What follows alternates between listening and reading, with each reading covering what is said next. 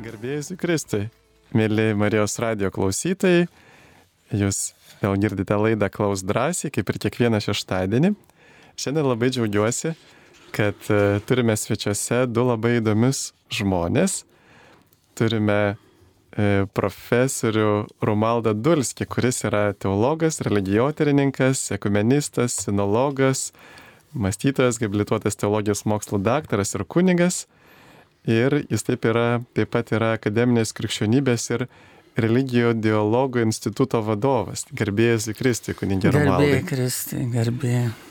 Ir taip pat e, e, buvusi tikybos mokytoja, dabar katechetė e, Jonavos švento apaštalo Jono parapijoje dirbanti Onutė Butrimavičiane. Garbėjus į Kristį. Ramžius amen.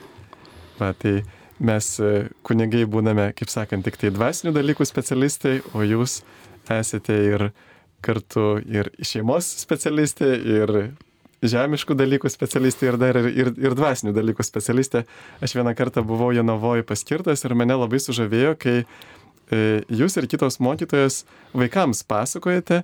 Ir aš niekur gyvenime neradau, kad taip aiškiai viską, taip giliai ir aiškiai išdėstytų, nes iš tikrųjų vaikai, kadangi jie mažiau supranta, jiems reikia labai aiškiai viską paaiškinti. Tai vad ypatingai tos mokytojos, kurios dirba su vaikais, jos ypatingai giliai išmano teologinius dalykus. Tai, va, tai labai džiaugiuosi, kad jūs esate su mumis. Ir kol dar mes e, neturime per daug žinučių, galim dar šiek tiek pasikalbėti su e, mūsų svečiais. Tai iš pradžių profesoriau Romaldai, gal jūs galėtumėte irgi papasakoti ir tiesiog e, e, išvardinti va tas knygas, kurias esate išleidęs, esate išleidęs ne vieną ir tada klausytojai suprastų, kokios yra jūsų tyrimų sritis. Paskutinė yra, ką, nu, ką tik galima sakyti, pasirodžiusi knyga yra pasivaikščiojimai su Liedzi žmogaus pašaukimo slėpinys davoistinėje pasaulėje jautoje. Tai knyga, kuri būtinai paliks mums skaitytojams, aš viliuosi, ir leidykla taip mano, paliks neišdildomą įspūdį, pokyčių pažadins mūsų gyvenimuose. Vertėtų galbūt iš viso mums integruoti kažkaip tą globalų žvilgsnį, į ką ir kviečia šita pasivaikščiojimai su liedzi arba kitos, kurias e, taip pat galima paminėti. Mano, e, nu dar praėjusiais metais senodo proga mes e, mūsų komanda akademinės akademinė grupė sinodo išleido knygutę Sinodinės bažnyčios link, išvalgos ir pasiūlymai, e, kurie irgi, e, irgi yra indėlis į tą turbūt bažnyčios apmąstymą geranoriškas, aš manyčiau, labai geranoriškas, e, geranoriškos pastangos, e, kai kurios galbūt yra drąsios ir ačiū Dievui, kad jos tokios yra. Kitos mano jau asmeninės labiau tyrinėjimų knygos, tai Evangelija pagal Konfucijų, konfucijanistinis išminties kelias ir jo svarba krikščionybei kuri pasirodė irgi prieš du metus, ne, neseniai. Mm, ir taip pat e, jau tokia labai rimta monografija e, Konfucijus ir Kristus. Konfucijanistinė žmogaus pašaukimo vizija krikščioniškam kontekstui. Konfucijanizmas yra irgi okeanas, galima sakyti kaip ir panašiai kaip ir krikščioniškoji mm, tradicija. Daug paralelių galime rasti ir iš, iš to susitikimo Kinijos ir vakarų kultūros, krikščioniškos kultūros praturtėti visokiojopai. Anksčiau dar e, yra išleistos mano e, knygos, tai tokie du, du tomai, galima sakyti, dvi monografijos - ekumeninė krikščionybė dieviškas žmogaus pašaukimas rytų krikščionybėje ir ekumeninė krikščionybė, krikščioniškasis pašaukimas protestantizme. Apmastymas e, to, ką ekumenizmas duoda e, mums, sakykime, gal kaip bažnytiniai bendruomeniai ir ką duoda individui, individo e, šventėjimui, visų pirma dvasiniai brandai, irgi tie susitikimai. Taip pat e, mano tokia visiškai jau e, nu, labai prieinama knyga Engedžio meilės sodai, giesmių giesmės, homilijos kurios rengiame antrą laidą išleisti. Nu ir anksčiau dar parašytos knygos, kuriuo aš jau nebenoriu užimti eterio, nebe, nebeminėsiu galvą. Taip, labai ačiū. Tai vadinasi, e, jūsų tokios pagrindinės domėjimos susiritis yra vienybė su kitais krikščionėmis, vienybė su arba dialogas su religijų dialogas. Taip. taip, ir kartu pašaukimas, e, va, koks yra žmogaus pašaukimas, kiekvieno ir įvairių, įvairūs pašaukimo būdai, rūšis. E, ir tai va bus labai įdomu tikrai, nes šiais laikais kaip tik yra labai aktualu tas santykis e, su kitomis religijomis, nes mes išeinam iš tokio izoliuoto pasaulio ir dabar viskas e, dėl informacinių technologijų labai priartėja, dėl kelionių mes susidurėm su kitaip mąstančiais, kitaip tikinčiais. Tai turbūt ne vienam kyla klausimas, o iš tikrųjų koks turėtų būti tas santykis e, krikščionių su kitų religijų išpažinėjais. Ar visos tos religijos yra geros? Čia klausimas yra, kaip sakant, be galo platus bet gal trumpai tai galima pri, pasakyti, kad dovana yra žmonijos raida ir ta, ta globalizacija taip pat reiškia galimybė mums susitikti kitokius žmonės. Tai yra Dievo dovana.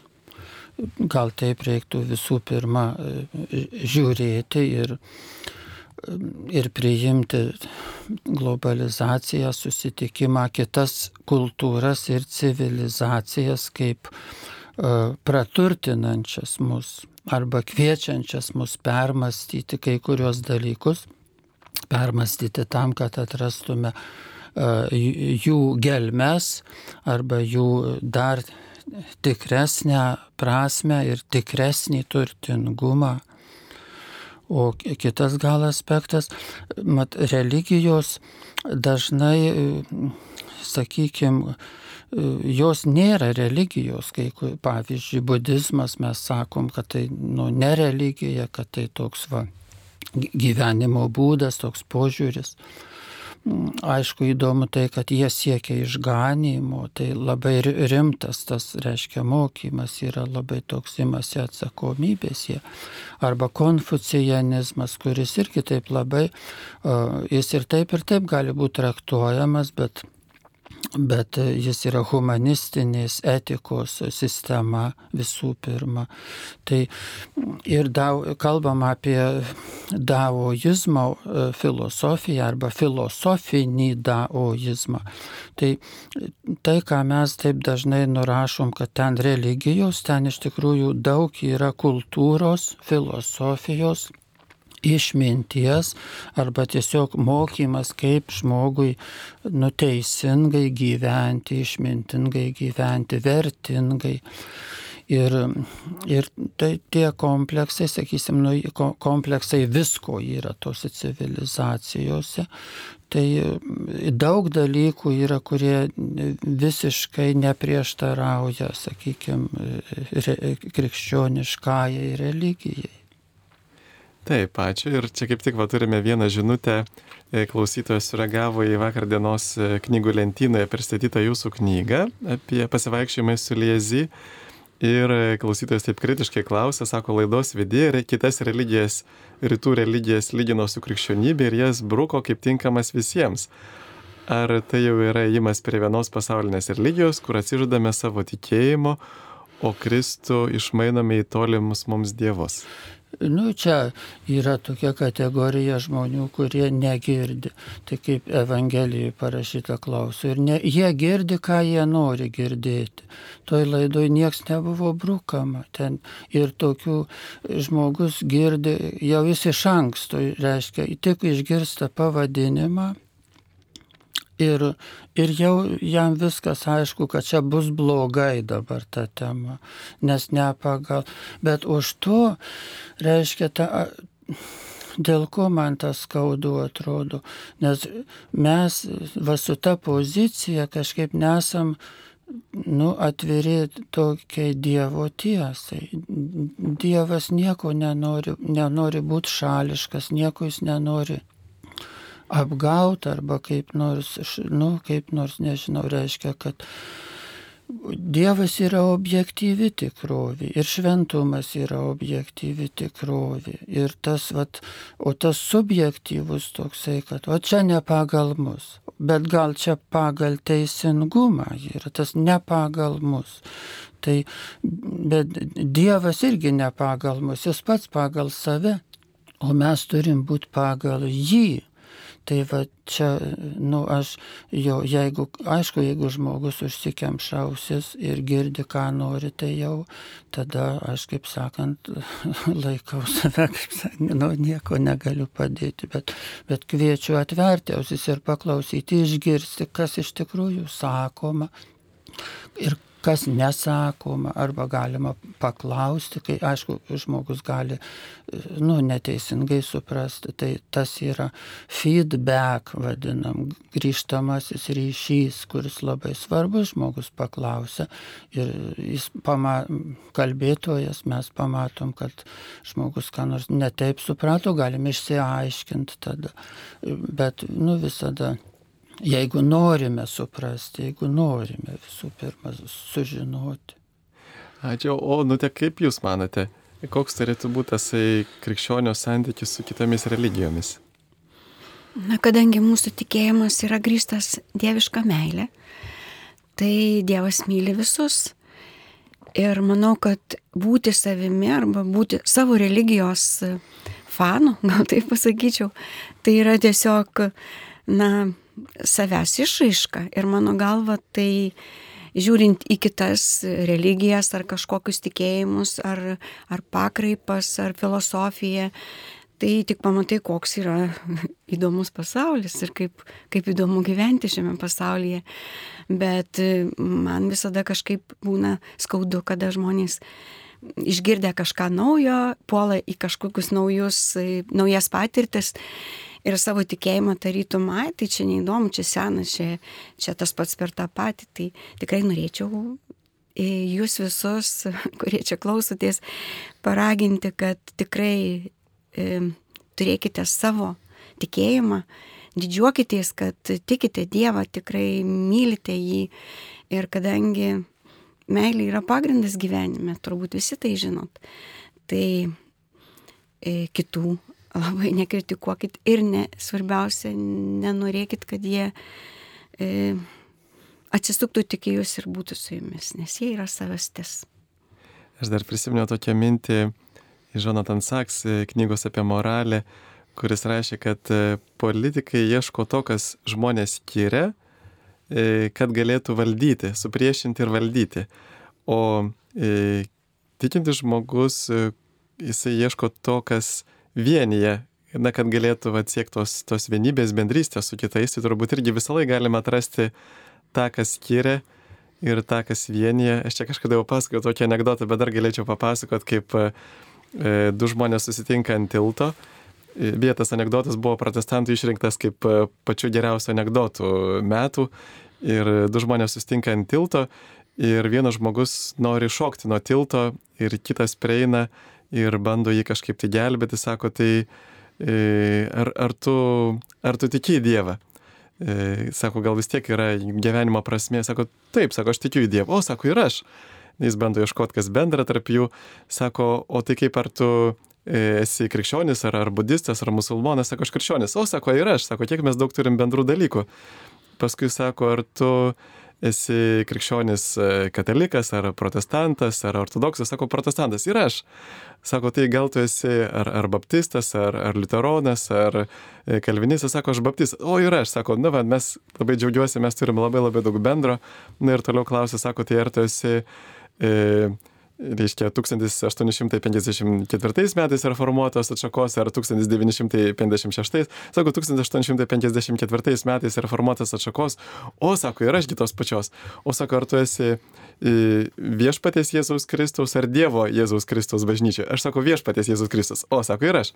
Bet sako, ar tu esi e, rytų viešpatės Jėzaus Kristus bažnyčios ar vakarų viešpatės Jėzaus Kristus bažnyčios vakarų. Sako, mirtis eretikams. tai, žodžiu, kad e, atrodo mažiausia, mažiausia smulkmena e, kartais mus priverčia jau kitą žmogų laikyti kaip eretiką. Taip. Turim tokį klausimą pagal Mato Evangelijos ketvirtą skyrių, dikumoje gundomam Jėzui, Velnes rodo visą pasaulio didybę ir karalystės, žada atiduoti Jėzui viską, jeigu jis pagarbins jį, nes viskas jam patikėta kaip ir kodėl visagalis Dievas, viso ko valdovas, leido velniui tapti šio pasaulio kunigaikščiu? Nu, visi bibliniai pasakojimai, jie tokiam kontekste juos reikia priimti, ne, matai, mes iš 21 amžiaus Lietuvos gyventojai, ne, nesemitai mes esam. Čia yra semitų kultūra, čia yra judaizmo kontekstas, kur Jėzus kalba. Ir jis kalba kaip to meto žydams suprantamu būdu. Jis negali kalbėti taip, kaip šiandieniai žmonės masto. Tai tas, tas visų pirma svarbiausia. Ir tada, tada mes nenueinam į tokius pernelyg tuos, nu, paraidžiui tokius, ką ten velnės valdo, ką ten Dievas valdo, bet ką Jėzus nori pasakyti, va, tuo, arba Evangelija, ką nori pasakyti tuo pasakojimu. Ir, um, ir tada iš tikrųjų e, ar šitas ar kiti epizodai, jie mus veda turbūt iš karto link, link tos esmės, ką Jėzus nori pasakyti. E, ir ką iš čia. Ir, ir tada čia nu, mes neperšokam į tuos tokius. E, iš tikrųjų, ten nieks turbūt. Ten nenorima to pasakyti, kas, kas ką valdo, kas ką nevaldo, bet ką mums daryti, kaip mums gyvenime apsispręsti. Ir reiškia, nu pavyzdžiui, turbūt taip. Juk jeigu šiandienai pritaikyt, sakykime, nu, yra kokie nors nesažiningi verslai. Nu, aišku, kad jų yra kur nors, ar ne. Yra sąžiningų, yra nesažiningų. Į tam nesažiningam versle aišku, kad ne vienas žmogus dirba, gal ten dirba nuo dešimt. Ir jie sako, žinai, mums reikia dar vieno, ir jie pakviečia savo, tave reiškia, sako, ateik pas mus. Ir žinai, kiek tu uždirbsi, nu, iš karto nuo dešimt tūkstančių prasideda tavo alga per mėnesį. Ar nenori taip pat viską žmonai, nupirksi kailinius vaikus, išleisi į Angliją, gali studijuoti, neturėsi jokių finansinių problemų. Bet, numatai, čia mūsų versliukas toks ypatingas jisai. Ar sutinki? Va čia, čia jie apie tą Evangeliją turbūt kalba. Nu. Na, mes irgi su, su mokiniais, kada dar dirbo mokytoja, tai labai daug diskutuojam tais klausimais, kodėl Dievas leidžia tam blogiui egzistuoti, nes jisgi visagalis. Ir visada prieinam tokios išvados, kad tikrai Dievo kūriniai kiekvienas yra gerbė, gerbtinas. Netgi piktoji dvasia, jinai nenaikinama, nes tai Dievo e, angelas, kuris suklydo kuris yra klaidoje. Tai mums tikrai ir šitas, šita istorija apie Jėzaus Kristaus buvimą dykumoje rodo, kad e, pabūti truputėlį su savimi tikrai galim pajusti įvairių ir gundimų, ir, ir siūlymų, ir visokių kitokių dalykų. Todėl mums reikia tikrai to dieviško prisilietimo. Ir labai smagu, kad mes turim galimybę, kad mes turim sakramentus, kad mes galim praktikuoti tikėjimą, kad mes galim viso to, kas mus kartais veda į, į troškimą turėti e, visą pasaulį, būti dievais, kad galėtume visą tai atiduoti Dievo rankas ir Dievas sustato viską į savo vietas. Ir turbūt ne vieną kartą esat skaitę, jeigu kas girdėjote Evangelijos skaitinius, kiek daug kartų Jėzus išvaro piktasis dvasias, bet jis nesunaikina. Tai tarytum mums yra labai didžiulė viltis, kad kiekvienas žmogus, kad ir kokioj klaidoj, kad ir kokioj būsenai, kad ir kur, visada galim kreiptis į Dievą, nes Dievas niekada mūsų nenaikina, neatmeta. Jis visada stengiasi mus vesti tiesos, meilės, tikėjimo ir vilties keliu. Taip, ir čia turbūt pasaulis turi dvi prasmes. Tai vienas pasaulis, kuris yra Dievo sukurtas ir jisai šetonui nepriklauso, bet šetonui priklauso būtent ta pasaulio dalis, kur yra žmogaus laisva valia, kur žmogus laisva valia pasirenka už šetoną, už nuodėmę. Kartais, kai žmogus pasirenka už nuodėmę, jis to nežinodamas tampa šetono nusavybė. Tai va todėl turbūt ir kartu Dievas leidžia blogį todėl kad jisai sugeba išvesti tai į didesnį gėrį. Na, panašiai kaip mėšlą gali panaudoti kaip gerą trašą. Tai ir blogis jisai skatina gėrio augimą. Žmonės tada turi labiau stengtis, kad e, liktų Dievui ištikimi. Ir va irgi dėl velnio negalėtume gal tai panavadinti jo klaida, nes jis turėjo tobulą žinojimą. Angelai turi tobulą žinojimą ir jų bausmė yra net Vat žmogus tai yra netobulai žinantis ir, ir todėl galbūt specialiai Dievas leido žmogui būti na, netokiam protingam, išmintingam ir pažįstančiam kaip angelui, kad galėtų jam parodyti gailestingumą. Nes žmogus tikrai gali klysti, bet angelas jis turi tobulą žinojimą ir jo klaida yra net šaukiama. Ir jo sunaikinimas yra tik tai laiko klausimas, jisai bus įmestas į tą ugnies ežerą, kur Bet vėl čia daugelis žmonių vėl kyla toks klausimas ir net nuo pirmųjų krikščionios amžių, kaip Jūs manote, ar pragaras gali būti tuščias? Kai kurie netgi čia citavo, e, turbūt klaidingai, gal pacitavo popiežiaus e, Pranciškaus pokalbį su tokiu žmogumi, dabar pamiršau, kaip jisai minėjo tam privačiam pokalbį, kad popiežius Pranciškus pasakė, kad, na, vad, kad pragaras ten neegzistuoja, kad e, tie žmonės tiesiog išnyks, kurie blogą darė. E, ir paskui Vatikanas sureagavo, kad, e, na žodžiu, kad čia e, privati citata, blogai pacituota, bet va, kaip Jūs manote, tas požiūris, kad pragaras gali būti tuščias, kaip mes galime atsakyti tiem žmonėm, kurie tą požiūrį propaguoja? Rodos, kad vienas iš populiariausių krikščionių autorių, e, vyskupas ir vienuolis stačiatikių rytų tradicijos, Kalistos VR. Jis yra apie tai rašęs, aš žinoma, ir kažkaip paminėjęs, kad, kad tai tokia, nu, gal geriau net nekalbėti, atrodo, jisai pasakęs tai apie tą pragaro tuštumą, nes, nu, kaip sakant, tokiem labai paviršutiniškiem žmonėm tai gali būti tokia paskata, reiškia, o tai tada galima čia viską, bet kaip gyventi. Tai aš sakyčiau, kad mes tokių dalykų nežinome, pavyzdžiui, tiesiog. Ir tas nežinojimas yra, yra žinot, veikalas nežinojimo debesis, tai iš krikščioniškosios klasikos. Ir Iš pradžių mes norim viską sužinot, kai ateinam į tikėjimą. Bet kai tikėjime labai daug laiko ir labai nuoširdžiai praleidžiame tas nežinojimo, turbūt ta sfera, tokio palaiminto nežinojimo, ji galbūt palaimingai išsiplečia, kad mes suvokiam, kad mes nežinom iš tikrųjų, koks yra Dievas, kas esame mes patys, nu, iki galo, reiškia, nežinom. Žinom, be, žinom, bet taip, tas žinojimas toks e, sąlyginis. Tai ir čia apie tą pragarą mes galim taip ar taip sakyti. Bet svarbiausia turbūt, nu, iš kur atsirado tas, tas atsirado nuo, nu, reiškia, iš to monoteistinių abraomiškų religijų pradžia buvo, kad Dievas yra vienas monoteizme, kada žydiškajame monoteizme atsirado jau, kad nedaug dievų, bet vienas. Nes iš pradžių Jahvė buvo gar monolatrija vadinama, kada Jahvė, nu, nenoriu čia plėstis. Po to pradžioj buvo monolatrija, taip manoma, po to monoteizmas. Tai šiek tiek skirtingi dalykai, bet monoteizmas eina su atsakomybė labai susiję. Tai reiškia, kadangi yra vienas Dievas, jisai tave teis.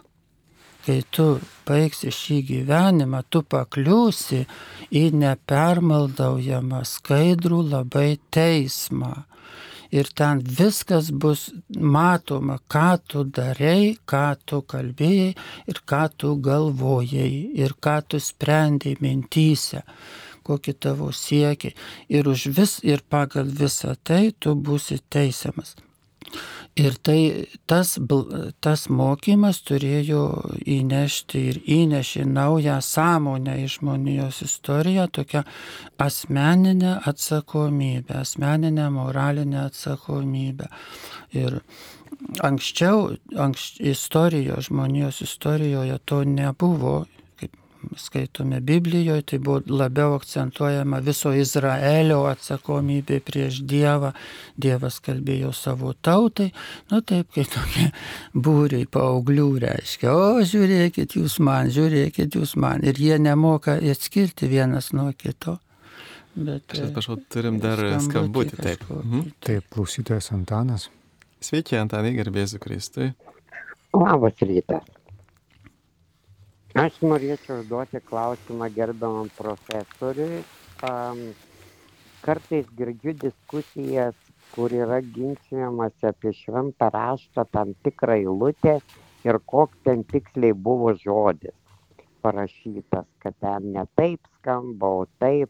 Mano klausimas būtų toks, iš kur žinoma, kaip pradiniam rašte buvo parašyta, nes originalų tai neišliko tiek. Ačiū labai. Apie Bibliją aš gal silpnai girdėjau tą klausimą. Taip, sakė, kad e, e, ginčiasi dažnai tyrinėtojai egzegetai, kaip buvo tiksliai parašyta tose eilutėse, bet mes juk negalim žinoti, nes originalų neišliko. Tai. Nu, Biblijos raida taip grubiai įman, tai iki e, Ezros mokytojo ir kunigo laikų iki mm, Babilonijos nelaisvės vadinamos, tai apie 500 metus prieš mūsų erą, prieš Kristaus ateimą. Iki to laiko e, buvo e, kas užrašyta, kas žodinis per, žodinė tradicija perduota, vis, nu, tas, kas, tas, kas dabar yra Biblijoje. Ir Ezra su savo komanda pagal žydų tradiciją 120 savo irgi reiškia kuni, žydų kunigų ir rašto žinovų, jie redagavo Bibliją. Nu, kaip sakytume, mes surašė tas, kas buvo lygi tol e, fragmentiškai arba žodiškai perduodama, jie surašė į vieną, į, į vieną tokią, kaip sakytume, vieningą tekstą ir Nu, todėl Ezra yra vadinamas antruoju moze judaizme. Mes krikščionys Ezro, Ez, Ezdras arba Ezra, dviejopą jo vardą galima pasakyti. Tai mes jo ne, taip nesureikšminam, bet judaizme jis vadinamas antruoju moze. Tai reiškia labai labai svarbiu žmogum ir dėl to, kad jis redagavo, reiškia, sudėliojo, surašė, kai ką, nu, savaip interpretavo, nes jau buvo tam tikra branda įvykusi iki jo laikų ir, ir galbūt ir Babilonijos įtakoje, kurie susidūrė ten irgi su įvairiomis pažangiomis idėjomis. Nu, tas yra tyrinėjimų klausimas, tyrinėtojai turi įvairių nuomonių, kas nutiko žydams Babilonijoje, nu, tokia dvasinė ir kultūrinė prasme, ką jie išmoko ten, bet po Babilonijos nelaisvės įvyko tas toks pokytis judaizme vadinamoji antroji šventykla, antrosios šventyklos judaizmas, kuris skyrėsi nuo, nuo liktolinio. Ir Ezra surašė o e, nuo to laiko daug maž tas, visas likę yra. Atsiprašau, dar turime skambutį, bet prieš skambutį aš dar gal trumpai, dar norėčiau irgi užbaigti šitą klausimą, kad yra išlikę daugiau kopijų e, šventojo rašto, ypatingai Naujojo testamento, negu bet kokio kito senovės dokumento. Tai jeigu mes nepasitikim e, Naujojo testamento kopijomis, tai reiškia mes turėtume nepasitikėti absoliučiai jokių senovės dokumentų. Pavyzdžiui, mes turime 5800 kopijų graikų originalo kalba, 10 tūkstančių kopijų arba fragmentų lotynų kalba, 9300 kopijų kitomis kalbomis. Dar bažnyčios tėvai yra tiek daug citavę, kad iš jų galim irgi būtų atkurti. Tai bet kokia atveju literatūriškai Šventas raštas, Naujas testamentas yra pats patikimiausias istorijai dokumentas. Ir pavyzdžiui, dar kalbant apie Seną testamentą, kokiu tikslumu nurašinėdavo raštininkai, va buvo rasta kopija Kumrano radiniuose, čia 20 amžiaus vidury Izaijo knygos, kurios buvo turima tūkstančio metų senesnė versija. Ir palyginus per tą tūkstantį metų buvo labai labai nedideli skirtumai. Tai prašau, turim skambutį. Alfonsas iš Vilniaus. Taip, sveiki, Alfonsas. Garbėsiu Kristų. Per amžius. Tėtė yra pasakęs, visuose moksluose yra daug neiškumų, neišspręstų klausimų, bet sako, religijoje daugiausia. Nu, paimkim, kad ir šitą vieną klausimą - gėrio ir blogio problemą. Tai dvi nesuderinamos savokos. Garsus šiandien e, laisvės kovotojas Gandhi yra pasakęs, jeigu pasaulyje yra problema blogio, Ir jeigu yra kas jį gali pašalinti ir to nepadaro, vadinasi, jis yra to blogio bendrininkas. Tai kas gali pašalinti blogį iš pasaulio? Tik Dievas. Tuomet logiškai pas Dievas yra to blogio. Kaip sakoma, bendrininkas, nu negalima pasakyti. Kaip išspręsti šią problemą amžiną, kaip sakoma, ne, neišspręstą klausimą. Ačiū už klausimą, taip, dėkui. Čia turbūt jau irgi labai sena mintis ir epikūras irgi apie tai kalbėjo senovės graikų filosofas. Kaip jūs gerbiamas profesoriau atsakytumėte? Taip, čia yra skau, skaudus klausimas, į kurį mes turbūt visą žmonėje neturim atsakymų tokio pakankamo, ypač po holokausto kada žydų tauta, reiškia, tą visą patyrė, tai žydų rabinai sėdėdami lageriuose laukdami mirties ir po to, kai jau nuplaukė tas visas, tas, tas, tas istorijos etapas, reiškia, baigėsi antrasis pasaulinis karas, tai žydų teologai ieško, ieškojo įvairių atsakymų, kur Dievas buvo tada, kur jo išrinktosios tautos Dievas, ką jis veikė, kodėl jis leido visą tai, kokie atsakymai. Jie sugalvoja ir apie penkiolika tokių variantų, ką, ką pasakyti, kaip yra, kodėl. Ir, bet galbūt ir, ir visi jie, nu, sąlyginiai, gal galim sakyti, čia yra, mes nežinom kodėl. Bet ką mes žinom, tai mes žinom, kad mums reikia siekti gėrių. Va kaip Mahatma Gandhi pacituotas, klausėjo mūsų brangaus. Tai Mahatma Gandhi ne tik pasakė, bet jis taip ir gyveno. Jis, reiškia, visą savo esybę uh, už gėrį kovojo. Ir tas įdomu, kad jis ne tik tą asmeninį gėrį, bet dar labiau tą socialinį ir politinį tokį angažavosi visuomeniniai veiklai. Ir, ir, ir sėkmingai jam pavyko ir, ir jo, sakykime, ta ta nuostata buvo, jis buvo hinduistas, bet jis labai gerai pažinojo krikščionybę ir vadovavosi tuo, galima sakyti, tuo atsuk antrą skruostą e, reiškia atsuk, bet nepasitrauk iš savo pozicijos. Tai jeigu tu eini savo, tai tau per antras nueini iš to savo, tai kur stovi, pasitrauki, tai kaip tave pasieks tą antrą skruostą. Bet jeigu tu pasakėjai, o čia gėris, čia blogis ir aš čia stoviu ir aš čia nesitrauksiu, tada tu žinoma gausi ir antrą, ir trečią kartą. Ir Mahatmos Gandhi buvo ta taikaus pasipriešinimo, taikaus, bet tvirto pasipriešinimo nuostata ir ji pasiteisino. Tai jis ir Evangeliją, galim sakyti, integravo, jis įvykdė Jėzaus mokymą socialinėje plotmėje ir labai sėkmingai. Ir čia galim iš to jau trumpai pasakant, tai visi savo rasti atsakymą, kad tokį, nu netiesioginį, reiškia, ką daryti su blogiu, tai būkim geri iki begalybės, kiek tik tai galime. Tai toks ir atsakymas mūsų.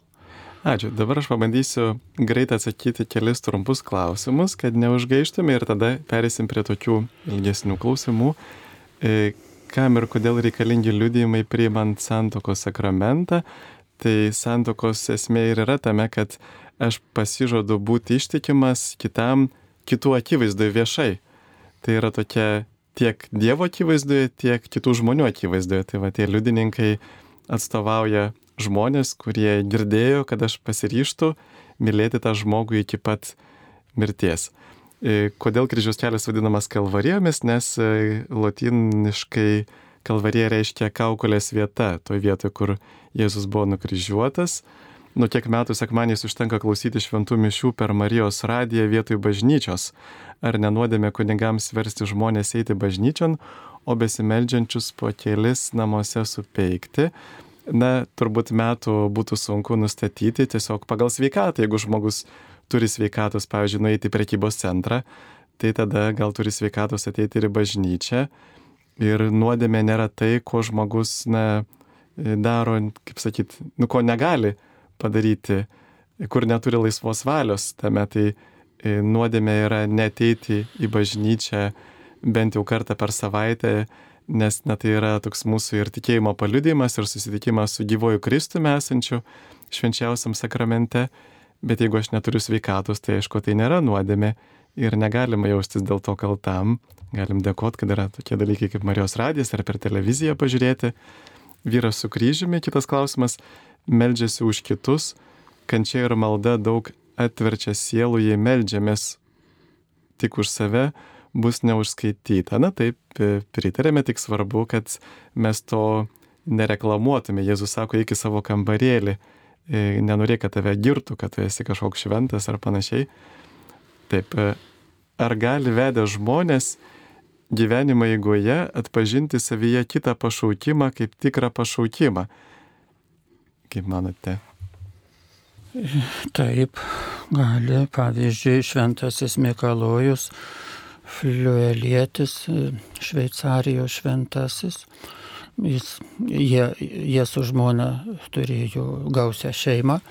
Paskutinis vaikutis buvo ant rankų, kaip sako biografai, dar kūdikis.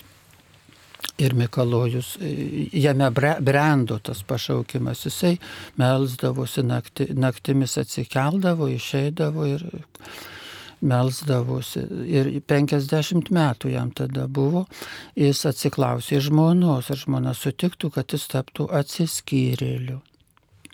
Ir žmona sutiko, tai reiškia, bet tai labai, labai įdomu, nes tas kūdikėlis dar buvo, tai reiškia, kiekviena turbūt sakytų ir kunigas. Ir jam kunigai sakė, tu gyvenk, reiškia, namuose, niekur nevaikščiok. Bet žmona sutiko. Ir įdomu, kad tas kūdikėlis užaugęs kunigų tapo. Reiškia, buvo tokia ir tai šeimai palaima, kad Mikalojus tapo atsiskyrėliu, jis tapo labai didžiu šventuoju, jis padarė, nu, tas, tas jo pasir, jis gyvena visai netoli nuo namų, tenai per kokį kilometrą ar kiek, bet gyveno atskirai pats vienas. Ir tai gali ir daugiau tokių, žinoma, kur pašaukimas gali aukti, kažkaip išaukti, keistis.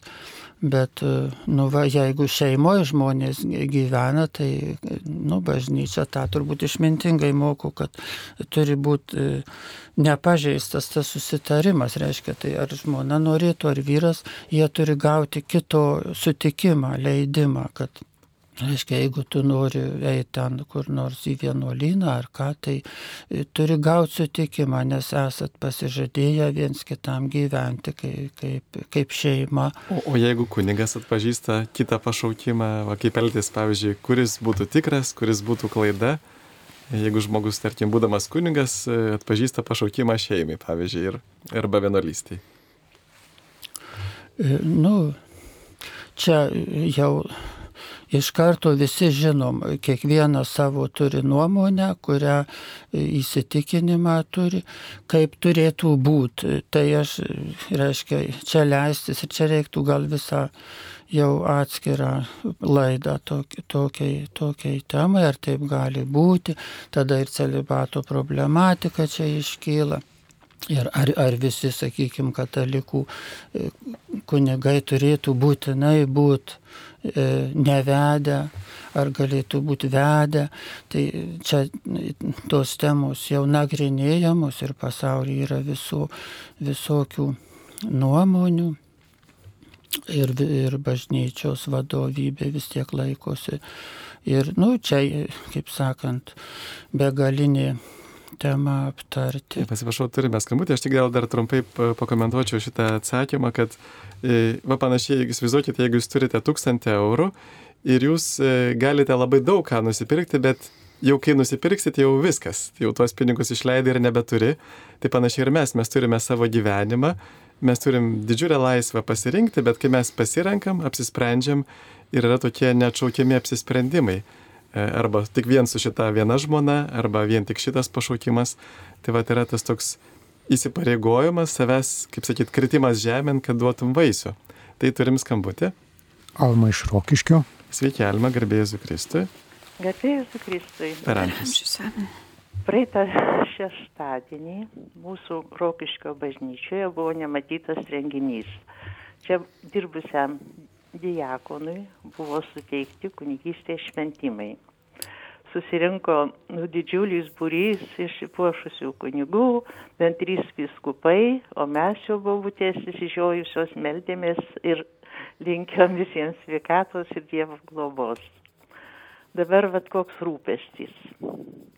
15 primicijos ir mes gi seimo seimo bobutės kaip susi susirenkam ant suoliukų pasišnekėt aiškinamės o kaipgi dabar elgtis kai naujas kunigas duos asmeninius pas nu pašventinimus palaiminimus gal taip sakyt vienas mums paaiškina kad reikia bučiuot kunigui delną kitos kad palenkti galvą kitos kad atsiklaupti.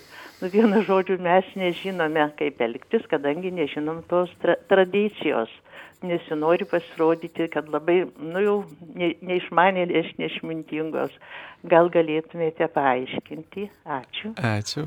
Na, paprastai, žinot, tos tradicijos labai varijuoja kiekvienoje parapijoje, tai tiesiog elkitės taip, kaip ir visi jūsų bažnyčioje. Taip. Tai dar turime kitą klausimą po Aha. Gal dar dėl to pašaukimo aš vieną sakinį. Pri... E, gal mat, yra taip, kad pašaukimai yra dinamiš, dinamiška Dievo dovana, taip, taip šiandieną teologijoje manoma. Nors mes, gal, kaip sakant, ar vienuoliai, ar kunigai, ar šeima pasirenka žmogus teisybė, tas, tas tam tikras ribas nustato iš karto ir, ir tai yra tam tikras turbūt gėris bet tose ribose dar yra didelė įvairovė. Vienuoliai yra kontemplatyvūs, aktyvūs ir tas ta raida asmeninė žmogaus, ji irgi labai, e, gali žmogus labai, nu, atrasti įvairius sakykime, kunigas gali kokią nueiti, karo kapelionystę tampa. Ir tada jo kunigystė labai tokį aspektą įgyja. Arba kitas dėstytojų, arba kitas jaunimo kokios organizacijos vadovo ar dvasios tėvų ir panyra į tą darbą su jaunimu, ar, ar kitas ir buvo toks kunigas Lietuvoje sužeistas po karo, jisai išventintas kunigui ir iškart jam peršovė stuburą karo metu atsitiktinai kulka. Ir jis visą kunigystę praleido ant lovos, negalėdamas net iš lovos išlipti. Tai gali būti aplinkybės, gali, nu, visada tos aplinkybės, bet Dievo koks tai vedimas, branda, da, aš pasakyčiau, pašaukimas turi bręsti, tai tikrai ar vienuoliu, ar kunigu, nereiktų galvoti, kad vat, pabaigai seminariją ir dabar jau niekas nesikeis. Tai reikia ugdytis, lavintis, tobulintis, šventėti, keistis ir santokui taip pat bręsti. Ta dinamika ir atveria naujas turbūt tokias, nu, išvalgas, naujus požiūrius, o kartais ir naujas tokias rytis, kur, kur mes galim, galim arba Dievo valia tiesiog yra ten. Taip. Aš dar vat, vis dėlto norėjau dar sugrįžti prie to ankstesnio klausimo, suprantu, gal jums ir tikrai neramu, kaip pasielgti va toj liturgijoje, kada naujas kunigas laimina. Aš visgi sakyčiau, kad ypatingai jeigu susirenka daugiau žmonių, tai mes tenkimės kuo paprasčiau. Tiesiog primkime, kad uždėtų mums ant galvos rankas ir užleiskime kitiems, nes jeigu pradėsim kiekvienas ir tas rankas bučiuoti daug, tai labai išsitęsta visa, visos tos apėgos, tai turbūt čia reikėtų kuo paprasčiau. Na, Onutė, dabar jums toks klausimas. Jėzus sako, būkite tokie tobuli, kaip jūsų dangiškasis tėvas yra tobulas. Vadinasi, būkime tokie tobuli, kaip Senojo testamento Dievas, tokie geri ir tokie žiaurūs, tai tobulumas.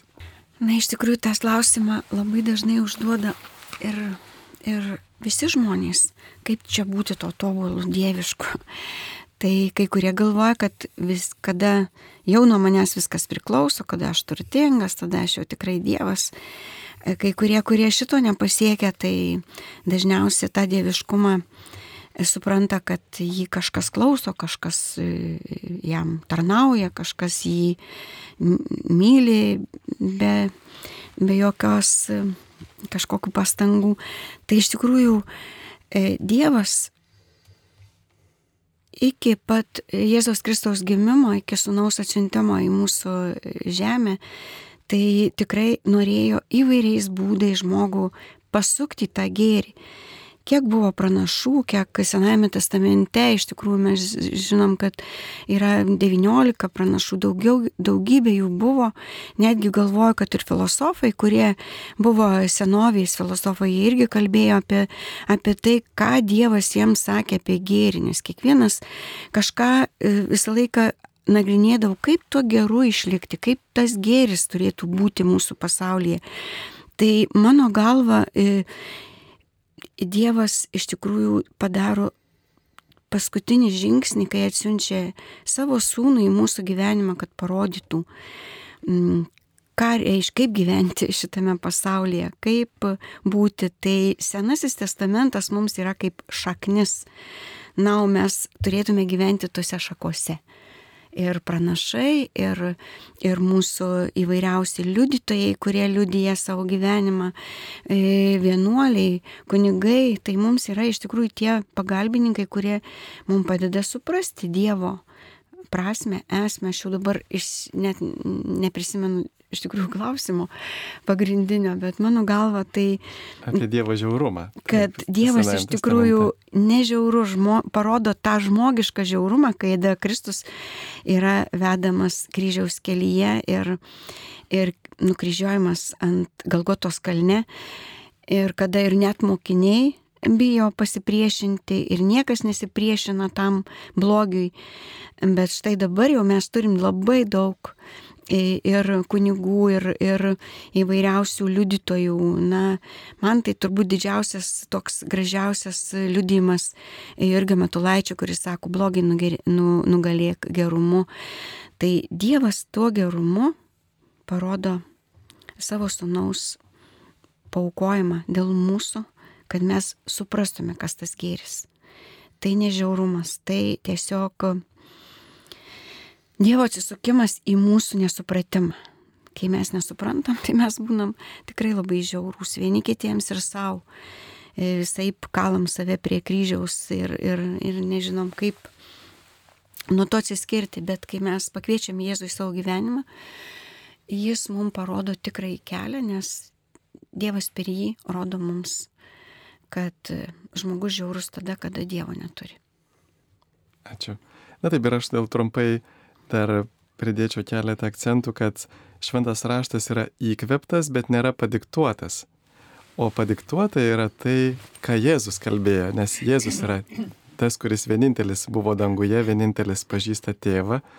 Todėl visą laiką bažnyčia sako, jeigu kažkas yra, nu, mums kelia neiškumų Senajame testamente, tai žiūrėkime į Jėzų. Ir be to Senajame testamente E, vėl kai kurie dalykai, kurie mums atrodo žiaurus, tai yra paprasčiausias teisingumas. Mes juk norėtume, kad pavyzdžiui būtų Putinas teisingai nubaustas ir kiti.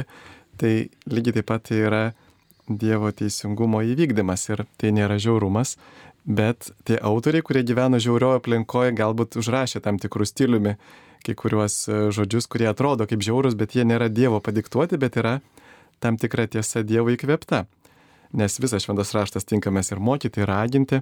Dar vienas toks, gal trumpas atsakysiu trumpai, po sinodo naudosite naujus mišiolus, šventos mišios bus netikros, pakeisti žodžiai parašyti kardinolo Masono Vatikane, e, skaudu, kad e, mažai tiki pranešimais, kas netiki trenkia Jėzų į veidą, e, na va ir taip toliau. Tai aišku, čia tas kyla šitos mintis iš e, netikrų apreiškimų, kurie daugelį suklaidina pamaldžių žmonių. Turime prisiminti, kad e, va, kai Lurdė buvo viena Bernadeta tikra ir keliasdešimt, gal keturiasdešimt atsirado netikrų pranašų, tai turim tikrai labai atsirinkti. Pavyzdžiui, yra tokie dieviško galestingumo Marijos pranešimai, tokia svetainė perspėjimas.lt ir panašios, kur kalbama, kad e, popiežius yra antikristas ir taip toliau. Ir na, tikrai tie dalykai yra ne iš Dievo. E, tikrai piktoji dvasia nori suskaldyti žmonės ir be abejo piktasis pasie raugių, todėl mes visą laiką, va čia ir turbūt ir yra turbūt mūsų iššūkis klusnume, kad klusnumas yra darybė, bet e, vis tiek aš turiu būti visų pirma klusnus Dievui. Nėra ne vieno žmogaus absoliučiai pasaulyje, kuriam aš turėčiau būti klusnus aklai. Va ir todėl mums būtų lengva paklusti aklai savo viršininkams, nes tada nebūtų konfliktų su jais, bet tik tai Dievo turi paklusti aklai. Na, ne tai, kad aklai, bet e, jisai vienintelis yra neklystantis ir todėl kartais reikės nepaklusti žmonėms, net ir dideliems autoritetams. E, ir aišku, yra dalykų, kuriuos popiežius pasako va kaip savo nuomonę, paskui, e, va sako, gal netaip supratote, reikia pataisyti, bet vis dėlto galim būti saugus, kad Vatikanas turi saugiklių, visą laiką e, yra bažnyčios mokymas, kuris yra įtvirtintas, e, kuris yra gerai, e, na, patikimas ir, remiasi šventuoju raštu ir bažnyčios tradicija. Tai turime nebijoti, kad vat, kažką tai, ką moko popiežius ar viskupai, kad kažkaip tai mus nuves į kažkokias didelės klaidas, tuo labiau, kad patys mišiolai, jie irgi buvo žmonių sukurti, tai nėra Dievo padiktuoti ar senas mišiolas, ar naujas, yra sukurtas žmonių, kuriems patikėta. E, kitas klausimas, kas pagal profesorių Romualdą Dulskį yra globalizacija ir ekumenizmas? Ar manote, kad po globalizacijos bus e, dar išpažįstamas Jėzus Kristus? Nu, ačiū, čia toksai klausimas. E, tai nežinau net ką ir iš tikrųjų. Na gal paprastai išvertus, kad žmonės bijo to tokio įsileidimo kitų kultūrų, nes jos tarsi kaip sarvė galėtų nunešti mūsų pačių tikėjimą ir nebe, mm. nebelikti. Nu, mat, e, man atrodytų, kad mūsų pažinimas dalinis, žinojimas, bet ką gali matyti, Jėzus atėjo kaip, e, kaip novatorius. Jis atėjo ir skelbė naujus dalykus. Ir va tai yra irgi labai turbūt verta pastebėti, kad Dievas, dievas yra tas, kuris, kaip apreiškime Jonui, sako, aš visą darau naują. Ir jis, Dievas tai daro istorijoje. reiškia, ne, ne tik, kad paskui, kai ten bus pasaulio pabaiga, viskas bus jau naujoje Jeruzalė, bet šiame gyvenime mes matom žmonijos raidą.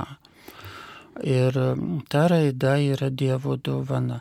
Ir Dievo e, pažinimo raida taip pat yra e, Dievo valia, kad žmonė, žmonėje, žmonės galėtų Dievą ir dieviškumą ir metafizinius slėpinius, anapusybės e, slėpinius pažinti vis labiau, vis geriau įžvelgti. Ir kardinolas Ratzingeris, popiežius Benediktas XVI yra rašęs, e, jau jis toks, sakytume, konservatyvesnis, popiežius Benediktas XVI, jeigu taip skirstyt. Tai reiškia, ir jis vis tiek jis labai aiškiai pasakė apie religinės žmonijos sąmonės evoliuciją, kad žmonija evoliucionuoja, turi raidą.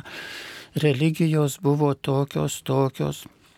Jis ten pasakoja ir paskui atėjo mozė ir su mozė atėjo nauja e, įžvalga į, į religinį gyvenimą ir taip su Jėzumi, žinoma, vėl ir taip toliau. Bet reiškia ta, ta mintis, kad mes, mes esame žmonėje raidoje, mūsų istorija. Ir tai yra Dievo valia. Ir religinė sąmonė, ji taip pat turi, turi turėti raidą, mes Dievą vis labiau galėsime pažinti. Ateinančios kartos galės, kas norės, kas nenorės, valgys, kaip sakant, ir gers. Ir, ir tiek, o kas norės, turės didesnį Dievo pažinimą ir savęs pačių didesnį pažinimą, geresnę išvalgą į tai, kas yra išganimo kelias. Taip, dėkojame. Et nous célébrons Dieu de tendresse, ta miséricorde et ton amour, tu es grand Dieu. Pokalbių laida Klausk drąsiai.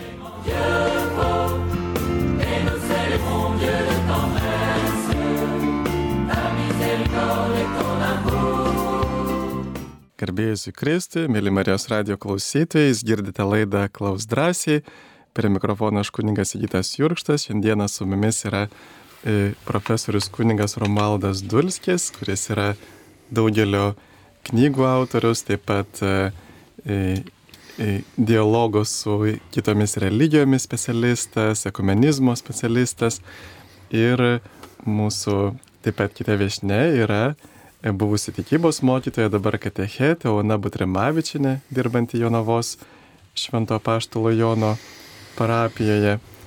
E, ir mes toliau atsakinėjame į jūsų klausimus. Dabar aš trumpai pervilksiu trumpus klausimus. Kodėl liturgijoje apniko šlakstimas sekmadieniais? Na, turbūt po pandemijos toks įprotis atsirado, kada vandens nenaudoju. Aš kai kur mačiau net bažnyčiose tokie e, elektroniniai aparatai, kaip žinot, e, muilą arba kokį nors e, kitus dalykus automatiškai išpurškė, tai buvo labai gražu iš tikrųjų, kodėlgi ne, kodėl mes negalėtume naudoti ir elektronikos per pandemiją, kai pavyzdžiui namuose naudojam elektroniką. Taigi toliau kitas klausimas, e, e, noriu padėkoti už šventųjų litanijas. Per Marijos radiją kartais mes per ryto maldą prieš 9 val. sukalbam to šventojo litaniją ir jas rengia Kunigas Mindaugas Malinauskas, jezuitas, ir jis deda į tokią Facebook'o puslapį, Šventųjų litanijos vadinasi Facebook'o puslapis ir ten galite rasti įvairių litanijų, taip pat kartais ir šiaip internete yra tam tikrų žinomesnių šventųjų litanijų, stengiamės rytais jas e, pasimelsti.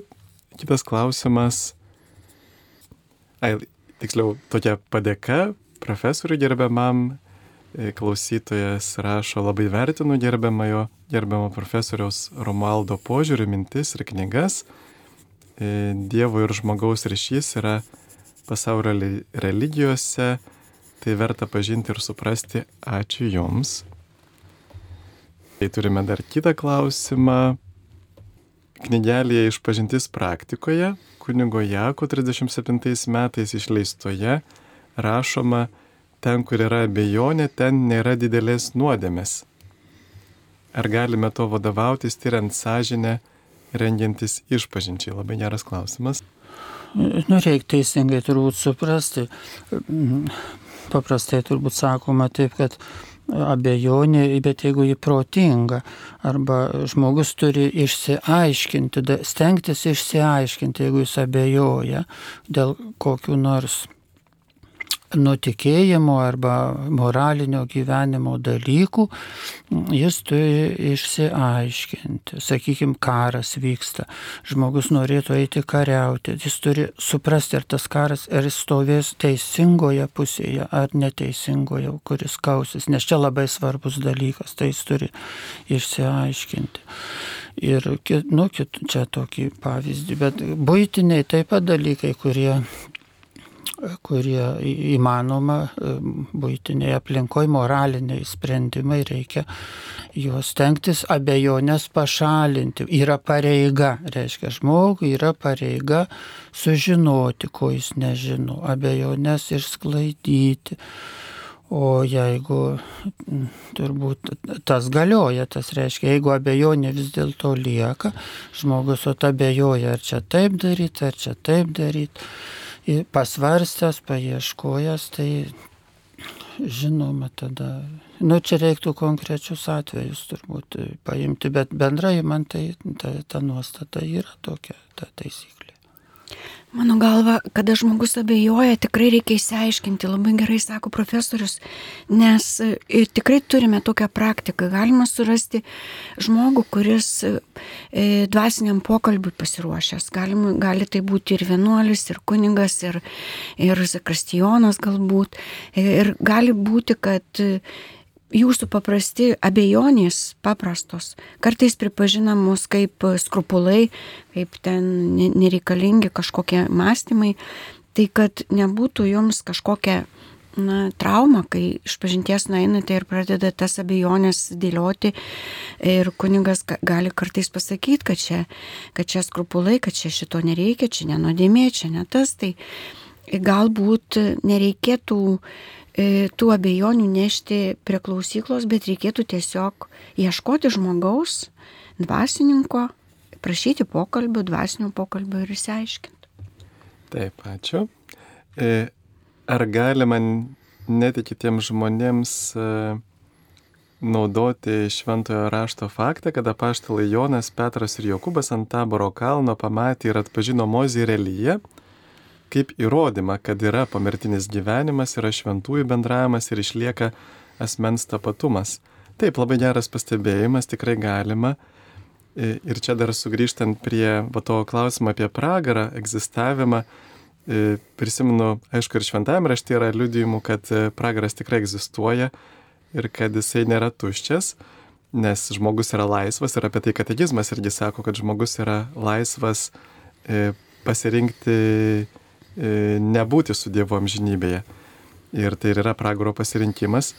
Bet štai e, dar buvo ir šventųjų, kurie liudijo, kad Dievas juos nunešė ir parodė jiems pragarą, kad jis tikrai egzistuoja. Pavyzdžiui, šventoji Teresė Vilietė liudija, kad sako, aš tikrai mačiau, man Dievas leido pamatyti, kad pragaras egzistuoja ir ten sako daugiausia tokių, kurie netikėjo pragaro egzistavimu.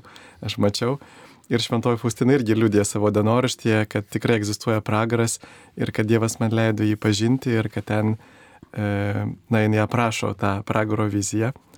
Taip, toliau e, kitas klausimas. E, taip, sapnuoju intimius sapnus, patiriu malonumą, vieni sako, kad tai nuodėmė, kunigai, kad tai ne. Na, čia vėl tas moralinis klausimas, kad nuodėmė yra tik tada, kada aš laisvai ir samoningai pritariu.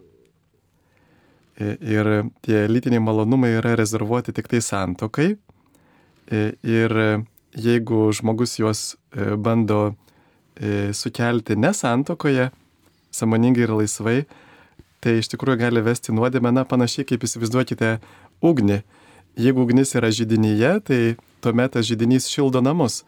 Bet jeigu ugnis e, už žydinio ribų, patenka ant grindų kur nors, jisai sukelia gaisrą. Tai lygiai taip pat ir žmogus, jeigu jisai negyvena santokėje, tai reikėtų tą energiją nukreipti labiau į kitus dalykus, kad ji nenuvestų į nuodėmę. E, ir netgi galėtų tą nuodėmę baigtis ir žmogžudystė, pavyzdžiui, negimusio vaiko nužudimu ir panašiai, panašių blogių. E, kitas klausimas. Jeigu mes turim pasitikėti bažnyčios mokymu, nes jis yra iš Dievo, o jo vietininkas žemėje skelbė indulgencijų rinkimo už pinigus, kurį vėliau bažnyčia pasmerkė, viduramžiais palūkininkavimas buvo nuodėmė, dabar sveikintinas dalykas. Kaip gali pasitikėti instituciją, jeigu istorijos tekmėje tie patys dalykai vardinami kardinaliai priešingai, jeigu bažnyčia vedama šventosios dvasios, o pontifikas neklystantis. Na, kol jūs irgi sugalvosite, ką sakyti, aš irgi dar tokia turiu trumpą mintį, kad e, visų pirma, mes turime ir šventąjį raštą, ir turime savo protą, ir turime asmeninę atsakomybę. Ir kitų patarimai yra mums tik tai pagalba, bet tai nepakeičia mūsų pačių sprendimo. Taip pat antras dalykas, kad čia yra tam tikrų netikslumų. Bažnyčia neskelbia indulgencijų rinkimo už pinigus, bet e, veikiau, kad e, na, geras darbas, pavyzdžiui, paukojimas, už tai, už gerus darbus e, galima gauti atlaidus, bet neaplenkiant sąlygų atlaidams gauti, tai yra prieiti iš pažinties, komunijos, pasimels popžiės intenciją, būti neprisirišusiam prie nuodėmių, bet tam tikri žmonės pradėjo apeiti šitas praktikas ir atrodo užtenka, kad įmeti pinigėlį ir jau gauni tos atlaidus ir be to, na taip. Ir kitas dalykas dar, kad e, mes galime labai suabsoliutinti tas bažnyčios klaidas ir sakyti, kad, na, iš viso nereikia bažnyčią pasitikėti. Bet čia būtų panašiai sakyti, kad jeigu arbuzė yra sėklų, tai vadinasi, tą arbuzą reikia išmesti šiukšlių dėžę, jis niekam tinkamas. Tai mes turim išmokti, valgant arbuzą, išspjauti sėklas, bet tai nereiškia, kad tas arbuzas yra blogas, nes tikrai bažnyčia yra Dievo norėta, Jėzus norėta ir jinai e, mums padeda kartu ieškoti tiesos. Tai bažnyčia yra, kaip teologija sako, yra ir dieviška, ir žmogiška. Ir dangiška, ir žemiška.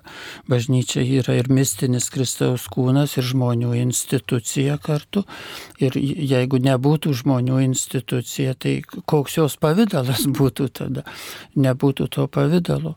Kai, kadangi yra žmonių institucija, tai yra žmogiškasis elementas yra dieviškasis, yra žmogiškasis. Ir žmogiškasis visuomet koreguotinas. Dėl jo reikia būdėti, jį reikia taisyti, jis įneša klaidų ir jis turi būti visuomet peržiūrimas. Ir čia ir visų, visų mūsų tikrai toks išminting, išmintingai žvelgti tą, kas dieviška, priimti visą širdim O tą, kas e, žmogiškai išmintingai pasverti ir, ir iš, išmintingai pabrėžčiau, kad laikytis ar, ar kaip nors koreguoti.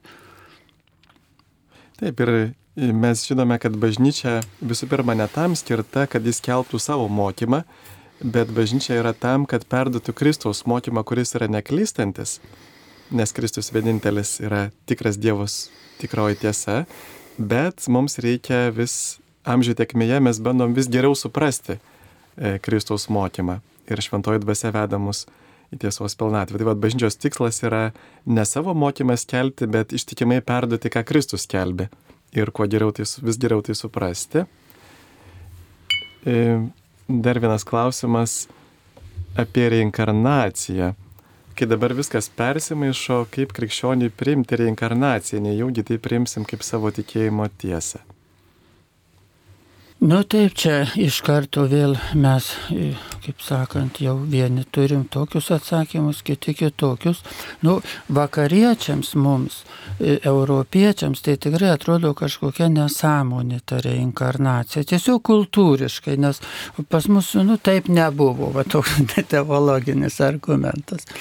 Bet įdomu, kad, reiškia, pavyzdžiui, Indijoje, kur reinkarnacijos idėja, nu, iš kartos į kartą per tūkstantmečius yra, ją visuotinai priima įvairaus lygio žmonės, akademikai, mokslininkai, natūraliai, taip kaip mes tą krikščionį savo tą įvai, supratimą apie pomirtinį gyvenimą, taip anoj kultūroje priima reinkarnaciją. Tai čia įdomus toks tik, nu, fenomenologinis toks pastebėjimas galbūt, kuris kaip, nu, kultūrų įvairovė ir kaip kultūra persmelkia giliai.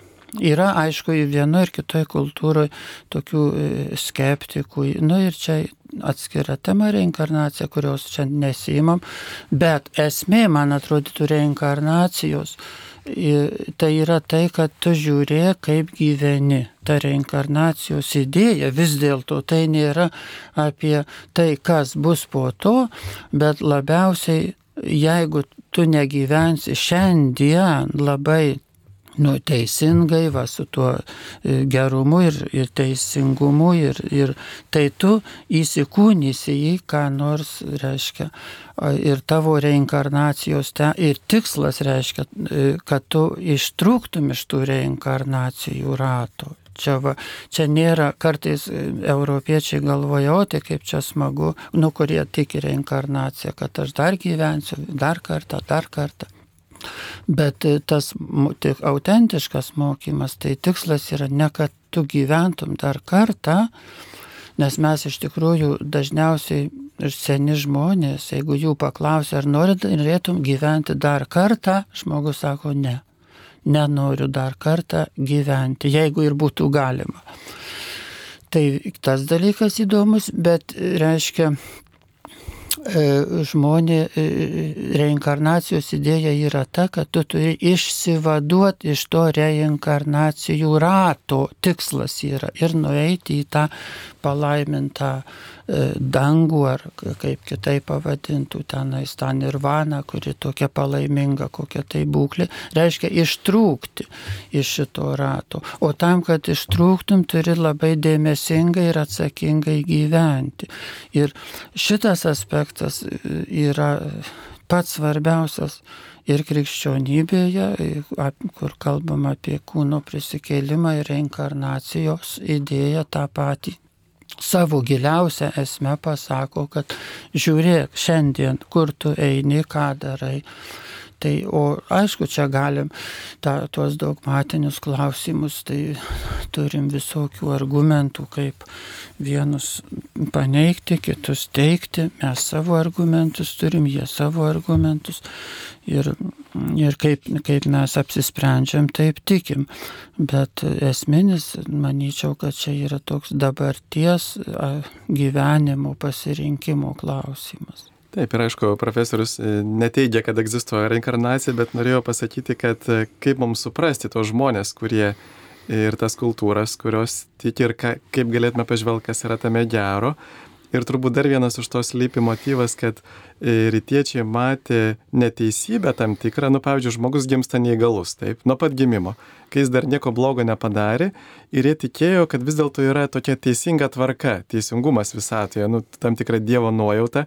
Ir kaip paaiškinti, kad nuo, nuo pat gimimo tu nieko blogo nepadarai, bet tu, tai va ir tai yra gal tam tikrai bandymai paaiškinti, kaip ir Biblijoje yra įvairių bandymų paaiškinti, va, kodėl ten toks pavadinimas miesto, ar kodėl ten dabar yra taip, kaip buvo kas anksčiau. Bet Jėzus mums duoda irgi šviesos, kad amžinas gyvenimas nėra užsitarnaujamas, bet tai yra visų pirma dovana. Ir nesvarbu, ar tu gyvensi metus ar šimtą metų, svarbu, kad tu tą dovaną suspėtum priimti. Ir antras dalykas, kad Jėzaus prisikėlimas vėlgi liudija, kad ir mes, e, mes neprarasime savo tapatybės, bet kad mes e, štai turėsime tą vardą, mes būsime atpažįstami, pavyzdžiui, kaip ir šventųjų apsiriškimai, mes juos atpažįstame, tai yra ne mes, bet tie, kurie juos regėjo, ir mes juos atpažįstame kaip, e, na, nepasikeitusius, jeigu būtų daug persikūnimų, tai, tai tada žmogaus tapatybė pasimestų. Ir kita vertus, mes, europiečiai, vakarą gal pavojus su reinkarnacija, kad kaip ir jūs minėjot, kad mes ieškom labiau e, visai kitaip išvedam reinkarnacijos tą tokią mintį, kad, na, visų pirma, kad nu čia nieko baisaus, jeigu šitam gyvenime nepasiseks, tai kitam pabandysiu. Nu kaip kompiuteriniam žaidimui, jeigu čia gyvybę praradau, tai dar turiu devynias gyvybės. Arba pavyzdžiui, kad ieškot laimės ne danguje, bet vis tiek ieškot laimės va, tame žemiškame gyvenime. Tai todėl gali netgi būti ir vesti tam tikras, pavyzdžiui, lengva ranka nusižudyti. Na tai, nu gerai, gal aš čia kitam gyvenime nusižudęs persikūnysiu kokiu ten gyvulėliu, o kitam vėl žmogumi. Tai vis dėlto yra europiečiams, vakariečiams vis dėlto yra pavojinga priimti reinkarnaciją, nes e, tada žmogus mažiau stengiasi e, nugyventi gyvenimą, kuris galbūt yra vienintelis ir mes tikime, kad yra vienintelis. Taip mes atrodo turime skambutį. Marija iš Vilniaus. Taip, sveiki, garbėjai Kristi. Labai gražu, labai įdomiai kalbate. Aš prisimenu profesorių Dulskį dar, kada Vilniuje tėdavo kunigų seminarija. Dabar ką aš noriu trumpai, kaip moteris pasakyti, čia labai irgi su meilė surišta, kadangi blaškos, kaip sako, galinga pagunda ir šventieji suklumpa. Kas, kas, reiškia, meilė yra labai daug klausome, labai daug interpretacijų, bet yra tokia viena, Dievas atsintė sūnų visų nuodėmę atpirkti, bet kartu ir parodyti, kokia graži yra meilė dieviška per jį ir žemiška, kadangi jis irgi moteris buvo aplink jį ir tas išėjimas gražus jis surado ir patikėjo, kai jis į tą dangų išeina ir tenai bus ta meilė. Dabar aš baig, baigti norėčiau degutytis, Janinos degutytis tokiu posmeliu, kokia turi būti meilė kiekvienam žmogui. Jeigu tu tiki, tu turi ją atrasti, stengtis.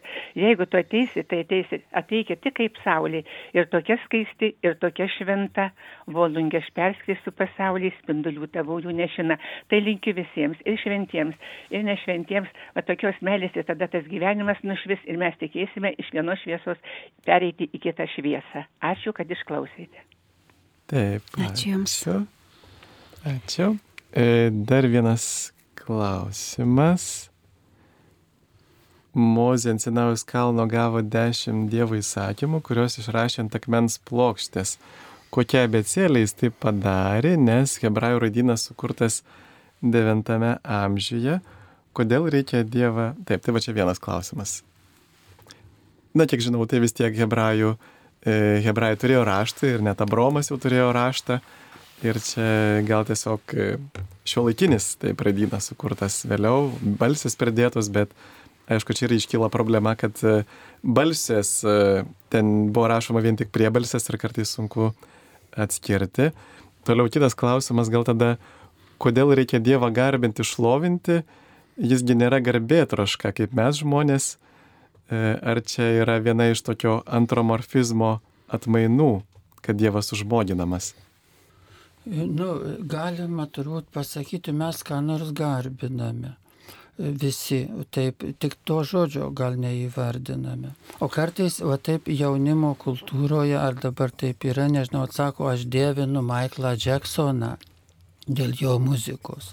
Arba kokia dabar yra Ariana Grande, aš ją dievinu, nes kai ji pasirodo, graži, dainuoja įspūdingai, talentą turi balso ir klausos. Aš dievinu tą žvaigždės, kokias pop, pop žvaigždės, žymybės arba kokius kitus. Nu ir mergaitės kartais savo mokytojus, čia psichologija tokia ar ne, kad jaunos mergin, mergaitės įsimylė mokytojus, vyrus. Ir tai, nu, tiesiog toks gyvenimo etapas. Ar, ir tam tikrą prasme galim sakyti toks. Arba maži vaikai dievina savo mamą. E, nu, tai suaugę mes irgi, reiškia, turbūt mes dievinam, kas mums yra brangu, va taip, kas pirmoji vietoje, o jūs klausėte tokį klausimą, galima jūsų paklausti, jūs paklauskite savęs po šios laidos, kas pirmoji vietoje jūsų gyvenime yra. Ir tai yra jūsų Dievas, o kas jūsų pirmoji, kas svarbiausia jūsų gyvenime, arba jūsų žmonos gyvenime, kas svarbiausia arba jūsų vaikų gyvenime. Kas var, jiems svarbiausia, tai yra jūsų Dievas. Mūsų Dievas tas, kas mums svarbiausia. Ir tas garbinimas, jis gali, aišku, išreiškiamas žodžiais ar kaip, aišku, ne tik žodžiais, bet tyla išreiškiamas. Augustinas šventasis sako, kantate oribus, kantate moribus. Gėduokite žodžiais ir gėduokite papročiais arba savo elgesiu. Garbinkite Dievą savo elgesiu.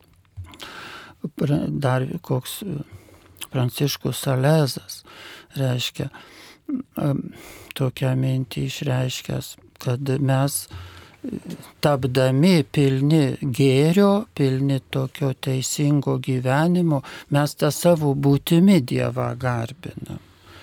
Je, jeigu mes darom gerą darbą, jeigu mes sąžininkai atliekam savo profesinės pareigas, būnam kantrus ir taip pranokstam tą pasaulio niekšybę savo gerumu, tai iš mūsų būties kyla tas garbinimas. O tas, kad mes nueinam kokią nors valandą pagarbinti, tai tai Dievą, tai galbūt tai yra, kad išmoktume visų gyvenimų jį garbinti. Nes tikrasis Dievo garbinimas yra, kad visų savo gyvenimu, tu ką dirbi, veiki, kalbimas, tai tai ir garbini, ką, ką nors garbini reiškia, tai reikia, kad garbintum Dievą, tiesą ir gėrį ir grožį tikrai. O O reiškia, visa, tas specialus, kad skiriam kokią nors valandą pagarbinti, tai mes tarsi, nu, turbūt galima sakyti, mokomės arba norim suprasti tą Dievą, tiesiog į akistatą su juo atsistoti ir reiškia, tu gali žiūrėti televizorių arba krepšinį, tai tada tu garbini krepšinį ir spoksai ir išmoksti gal, kaip ten kamuolys turi skraidyti ar kas. Bet jeigu žiūri į Dievą, išmoksti Dievo, žiūri, žiūri į jį, klausai, skaitai ir išmoksti, koks jis yra. Ir tas, ta, koks jis, tu tampi toks, kiek, kiek nors, kokiu nors procento dalimi, tas persikelia dieviškumas į, į dieviškosios savybės persikelia į žmogų, kuris žvelgia į Dievą. Taip, ačiū. Aš tai galvoju, kad garbinimas Dievo iš tikrųjų mums labai yra naudingas tam, kad mes žinotume, kokioje mes vietoje, kaip mes turėtume gyventi, kaip, kur mes esame. Nes e, tikrai pagarbinimas Dievo, e, pavyzdžiui, Šventasis Pranciškus tai netgi sako, netgi garbino mirtį, netgi garbino ugnį, nes tai ne mūsų kūryba, tai, tai tiesiog yra Dievo kūriniai. Tai kad mes nes, nesureikšmintume savęs kaip Dievą, arba kažkokį daiktą, arba kažkokį mokslą, ar, ar kažkokį žmogų. Tai iš tikrųjų sako, kad garbinti reikia tik Dievą, daugiau nieko garbinti mums nereikia. Tai skirti Dievui pagarbinimą yra turbūt mums didžiausia dovana, jeigu mes tai galim nuoširdžiai. Taip, kita klausytoja rašo, Norėjau paklausti, ar visur kitose šalise mišių eiga yra tokia pati, katalikiškų taip, mišių eiga yra tokia pati. Jei esant užsienyje sudalyvauja mišiuose, tačiau nesupranti kalbos, ar tokios mišios užskaitomos, ar galima būtų imti komuniją. Na čia ir vienas iš bažnyčios tėvų yra sakęs, kad jeigu aš e, ne, negirdžiu Dievo žodžio, praklausau jį, tai tas pats kaip išmesti komuniją ant žemės. Ir antro Vatikano susirinkimas irgi pabrėžia, kad komuniją priimti yra taip pat svarbu, Dievo žodį taip pat svarbu išgirsti kaip ir komuniją. Tai gal paprasčiausias sprendimas būtų užsiprenumeruoti ar popierinį, ar elektroninį Magnificat leidinį. Ir ten yra visos mišių maldos, skaitiniai, netgi ir homilijos galite paskaityti, nes vien tik tai toks, e, kaip sakyt, e, tik sakramento švenčiausiojo prieimimas nors ten yra visas tikras Jėzus, vis tiek būtų nepilnas dalyvavimas mišiuose. Ehm, taip, toliau kitas klausimas.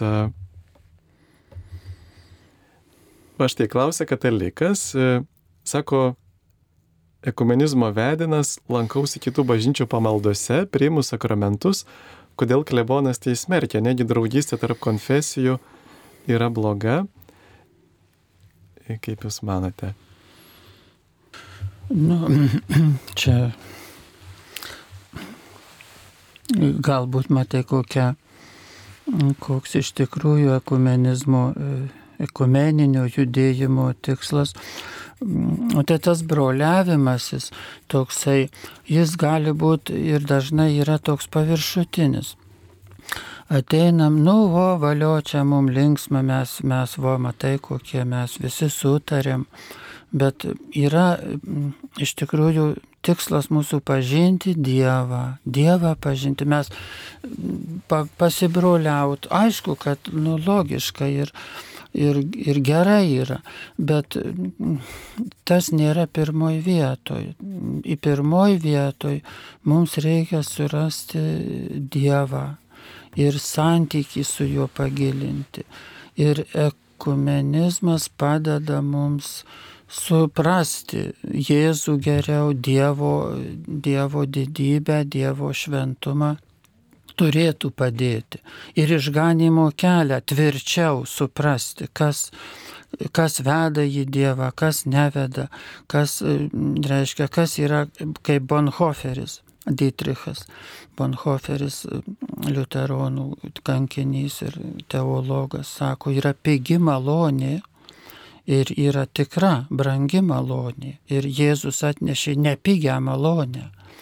Tai nenupigint viso savo krikščioniškumo ir reiškia, mes galim nuveikti, pabendrauti, bet mums reikia gilintis į Dievą. Ir, ir dėl to tas, tas skeptiškumas toks, kad vaikščiot po kitas konfesijas, jis teisingas, nes o ko vaikščiot? Iš smalsumo, iš broliavimuose. O mums reikia nežiopsot, mums reikia va, pagal Bonhoferį tos tikros malonės ieškoti. Ir tada, kai mes tikros malonės ieškosim, ir, ir į ją įsišaknydinsim, e, būsim nu, geresni dar krikščionys, brandesni, tai tada ir mūsų susitikimas su kitais nu, bus efektyvesnis, naudingesnis. Dar vienas klausimas, kaip manote, ar rytų kovos menai yra blogis? rytų kovos menai, aš manau, yra sportas, tiesiog tai yra sporto šakos tokios čia.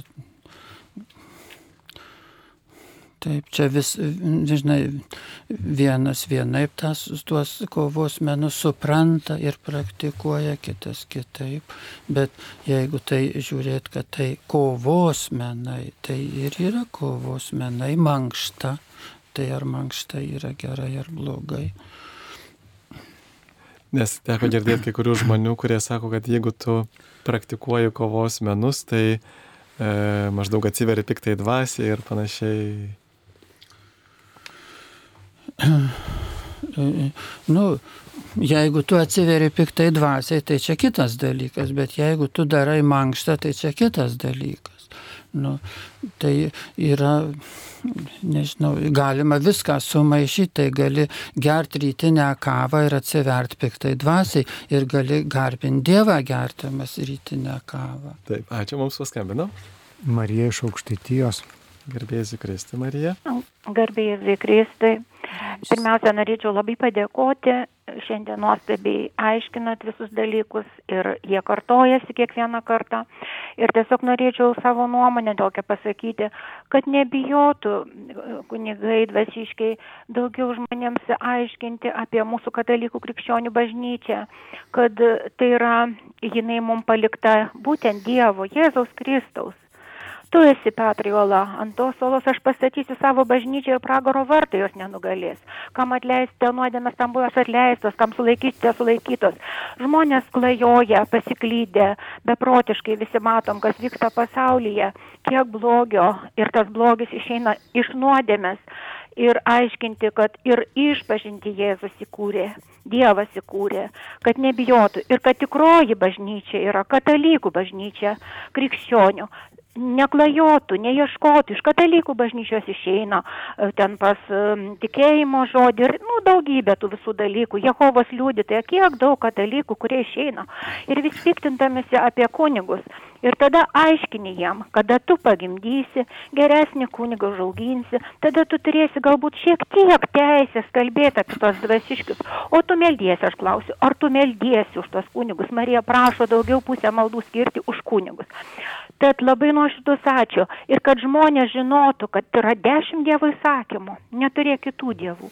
Netark Dievo vardo be reikalo. Sekmadienį švesk. Vat būtent tas ir yra, kad sugrįžtų į bažnyčią. Žmonės, sugrįžkite į bažnyčią. Kad atrastumėt Dievą per sakramentus.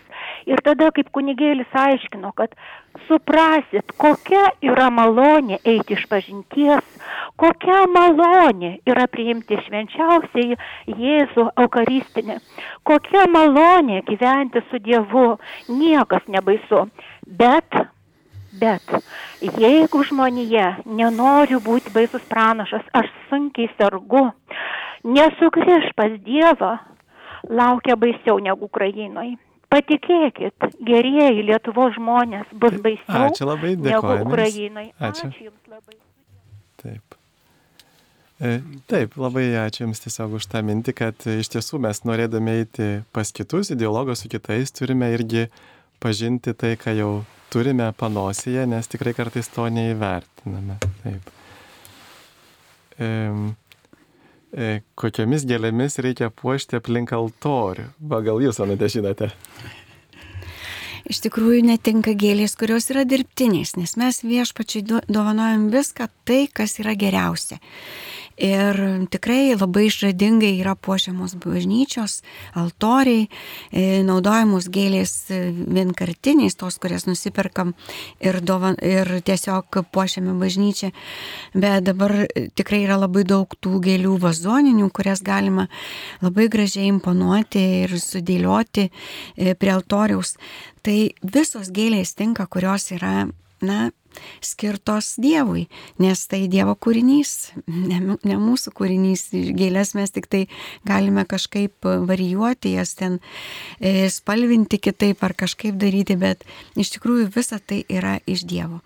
Bet labai norėčiau paprašyti tų žmonių, kurie savo bažnyčiai neskiria nei jokios aukos e, tom gėlėm nupirkti, nes, pavyzdžiui, kaimuose iš tikrųjų labai sunku kunigams kažką padaryti bažnyčioje gražaus, jeigu, nu, nėra už ką, nėra kur, nėra kas atneša. Darželiai visi žydi, tai nepagailėkite e, gėlė, gėlių iš savo darželių, iš savo gėlynų, galų gale vazon, vazoninę gėlę atnešti. Kaip gražu, kai bažnyčioje tikrai gražios žydinčios puokštės gėlės. Jos, aišku, yra derinamos prie e, įvairių švenčių, prie, prie tradicijų. Tai tiesiog reikia pasitarti su kunigu arba su tarnaujančiais ten bažnyčioje. Taip, ir e, ypatingai norėčiau paraginti, kai da e, dalyvaujat laidotuvėse, ypatingai laidotuvė šeimininkai, kad juk labai dažnai tų gėlių susirenka tiek daug, kad jų nėra kur dėti ir laidotuvėse jau tos gėlės ten tiesiog nuvysta, stirnos jas su- suvalgo, paskui ypatingai rožės labai jas mėgsta, bet galima dalį tų gėlių galbūt palikti bažnyčiai, ypatingai va rožių e, ir kitų gėlių, tai tikrai būtų bažnyčiai palengvinimas, nereikėtų tiek e, išleisti pinigų dėl bažnyčios pašimo. E, Dar vienas klausimas. Jėzaus kunigų ir aukos litanijoje yra tokia, toks kripinys. Jėzau auką, kurį iš dviejų padarė vieną, kaip čia suprasti. Tai aš taip suprantu, kad tai yra, e, kaip sako paštalas Paulius, kad e, įskiepijimas e, pagonių į tą tikrąjį vynmedį, tą išrinktąją tautą. Nu, tarsi Dievas išsirinko žydų tautą ir Jėzus kaip kunigas ir auka jisai sutaikino ir su Dievu ir tuos pagonis, kurie buvo, aš taip suprantu, ar ne? Turbūt. Taip turime skambutį. Julija iš Liškiavos parapijos. Taip, Julija, klausome. Per amžius. Norėčiau paklausti, kodėl e, ši šventė Marijos dangun, nu, žodžiu, Marija su siela ir kūna primata į dangų e, kodėl vadinasi žolinė. Ar čia yra sąsaja kokia nors, sakykime, nu, saulėdraža ir kalėdos, rasos ir joninės, o kodėl žolinės viena, ar žolinė vadinasi tik pas mus, sakykime, Latvijai, ar čia kažkur ar šitą šventę dar vadina žolinė. Iš kodėl toksai, nu, ryšys koks prašome paaiškinti. E, taip, e, aišku, tai yra labiau pas mus, pas mus šita šventė taip, taip vadinama, tai yra tiesiog, na, yra katalikiška šventė būtent mergelės Marijos paimama į dangų. Taip pat yra tokia tradicija, kad toje vietoje, kur mergelė Marija buvo, na, buvo jos kūnas ir paskui jo nebeliko, buvo tik tai gėlės. Ir štai tos gėlės ten esančios irgi mums leidžia, va štai kalbėti apie tą žolinės žolinės šventę, bet Lietuvoje yra, e, buvo toksai netgi pagoniškas galbūt e, paprotys, e, na, žemynos toksai kultas buvo ir taip toliau, na tiesiog tai yra toks liaudiškas lietuviškas pavadinimas, kada šventinami ir žolynai, ir lauko gėlės, vat, ir kitaip sakant, tai yra toks šiek tiek ir susijęs vat, su, su, su Marijos štai tomis gėlėmis, kurios buvo, bet kartu ir su tokia lietuviška tradicija. Taip turbūt. Taip. Mano e, supratimu, tai žolinės iš tikrųjų mum ir įrodo, kad mes turim daug tokių tradicijų, kurios susijętų su kažkokiais e, daiktais ar dalykais, kurie atėjo iš mūsų pagoniškų e, praktikų. Bet tai rodo, kaip Dievas gali pagoniškus dalykus padaryti šventais. Tai tiesiog man žolinė visada e, asocijuojasi su tuo, kad mes parsinešam plokštelę, e, ją su, su, sudžiovinam, ją laikom iki kitos vasaros arba per e, už gavienę, gavinios pradžioj sudeginam ir, ir barstom savo ant galvų, tarytum primindami, kad dulkė buvom, dulkė, dulkė e, tapsime po mirties. Tai iš tikrųjų daug tokių dalykų, bet kaip e, parodo, kad mūsų pasaulyje Dievas nieko nesmerkia ir nieko nenori kažkaip e, suniekinti arba padaryti kažką, kad e, mes pamirštume, nebūtume, bet visa tai sušventi, pašventina. Visa tai, kas yra mūsų praeities dalykai, e, mūsų tradicijos, jos išlieka, bet jos yra pašventinamos. Taip, ir, ir beje, pati Marijos šventė, šita ėmimo į dangų arba rytuose vadinama užmėgimu, yra pati seniausia, pati garbingiausia Marijos šventė iš ketvirto amžiaus kylanti. Na čia dar perklausiu, ar tikrai tinka vazoninės gėlės. Taip, tikrai tinka. Esu matęs bažnyčiose vazoninių gėlių prie altoriaus. E, kaip gali būti dvasinėje vietoje fizinis kūnas? Na, e, mes esame ne tik tai fizinis kūnas, bet ir siela.